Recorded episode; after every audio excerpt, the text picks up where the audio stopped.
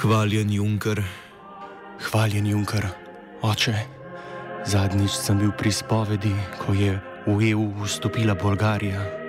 Moj greh je kršitev uredbe številka 604 skozi 2013 z dne 26. junija 2013. Moj Junker, usmiljanje.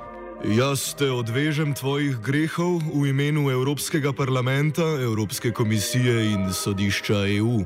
Za pokoro pa prižgi frekvenco 89,3 MHz in prisluhni offsajdu, ki ga v okviru projekta DIP podpira Evropski parlament.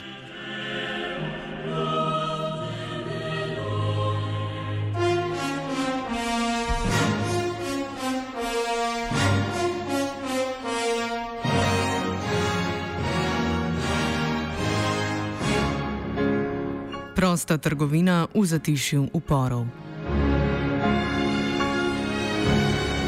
Ideologija proste trgovine, ki jo v času Trumpovih protekcionističnih teženj z vso silo branijo liberalne struje širom sveta, izvira iz preloma med 18. in 19. stoletjem.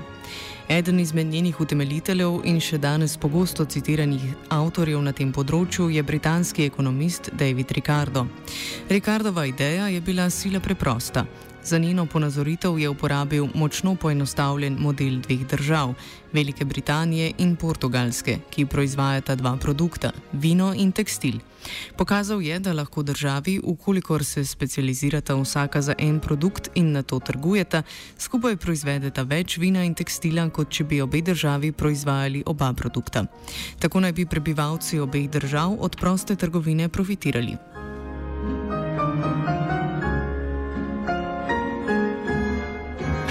A kot se v ekonomiji pogosto izkaže, ta preprosti model ne popisuje realnega stanja.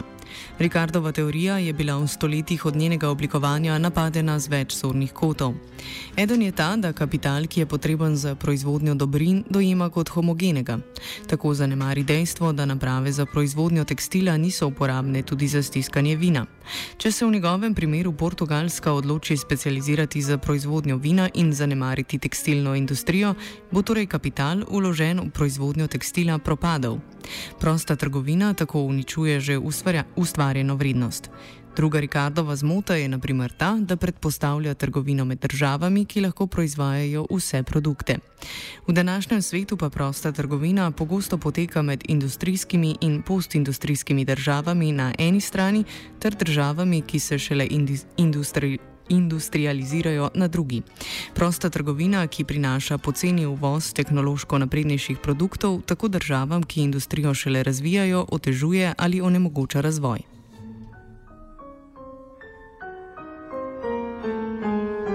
Kljub številnim logičnim zmotam ideologije proste trgovine, ta še danes tvori jedro trgovinske politike zahodnih držav. Zadnji primer tega je ta vikend oznanjena nadgradnja prostotrgovinskega sporazuma med Evropsko unijo in Mehiko. Da bi Trumpovim protekcionističnim težnjam pokazala, kar jim gre, je Evropska komisija pospešila tudi postopke sprejema prostotrgovinskih sporazumov z Japonsko in Singapurjem.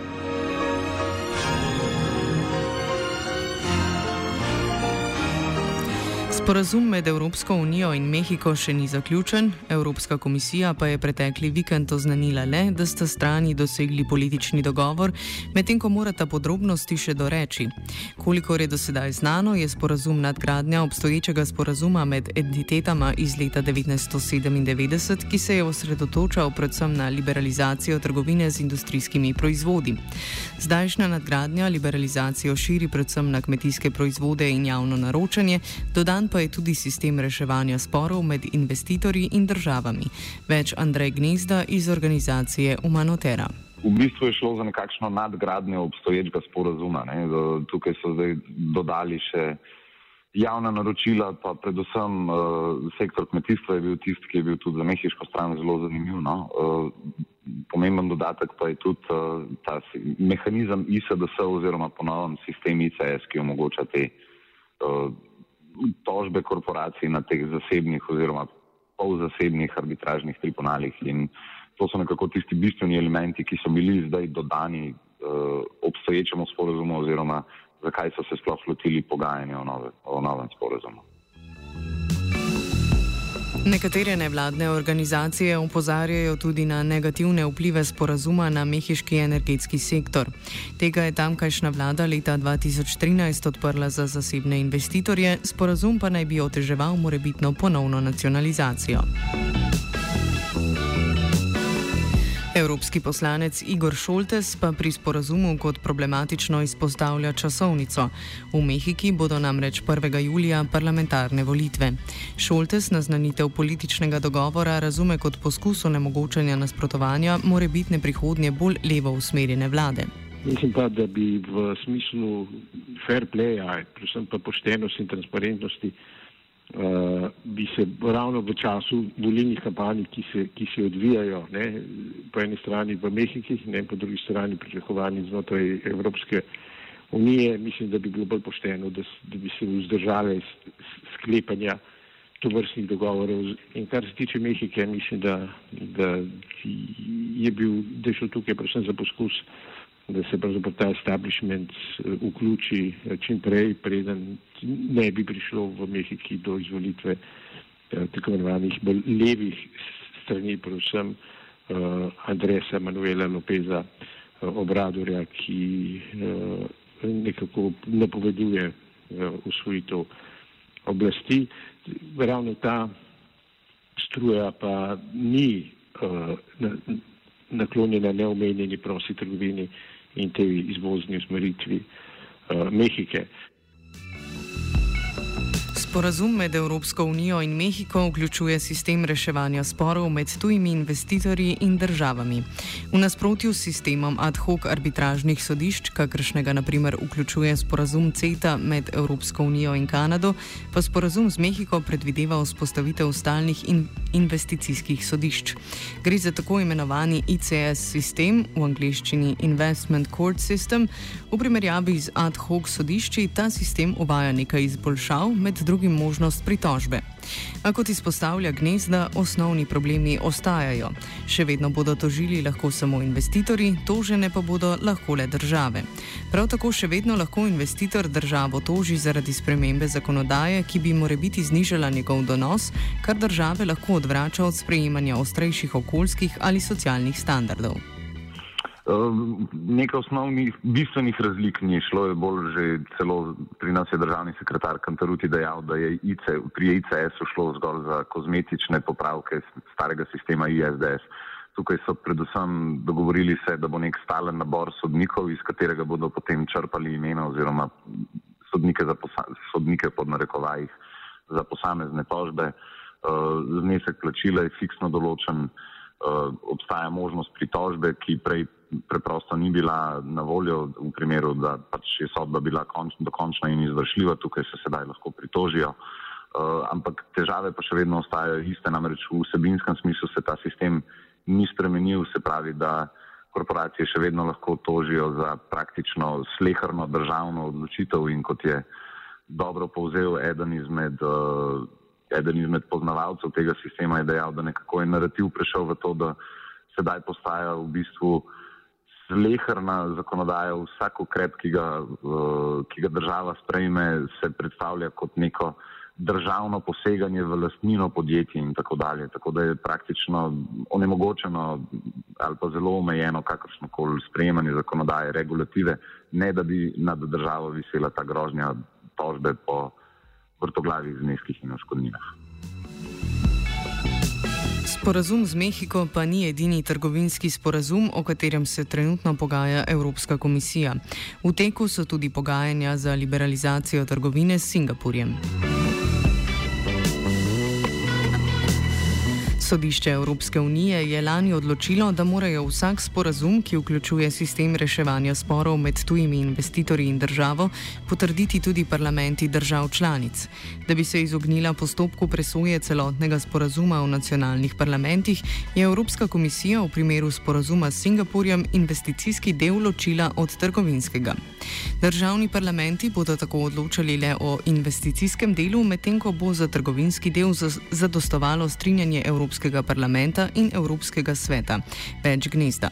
Iz tega razloga je sedaj komisija naredila politično potezo in sporazum ločila na investicijski del in pa tako imenovan trgovinski del. In o trgovinskem delu države članice ne bodo odločile oziroma parlamenti uh, zgolj o tem investicijskem delu, kjer je ta sistem ICS prisoten oziroma zapisan, bodo odločali tudi nacionalni parlamenti. Sporazum s Singapurjem je sicer po mnenju gnezde problematičen, predvsem na področju striktnega varovanja intelektualne lastnine. Tukaj upozarjajo, da je celo nekoliko bolj oster, kot pa je bil, bil sporazum akta, ki je v preteklosti bil že zavrnjen.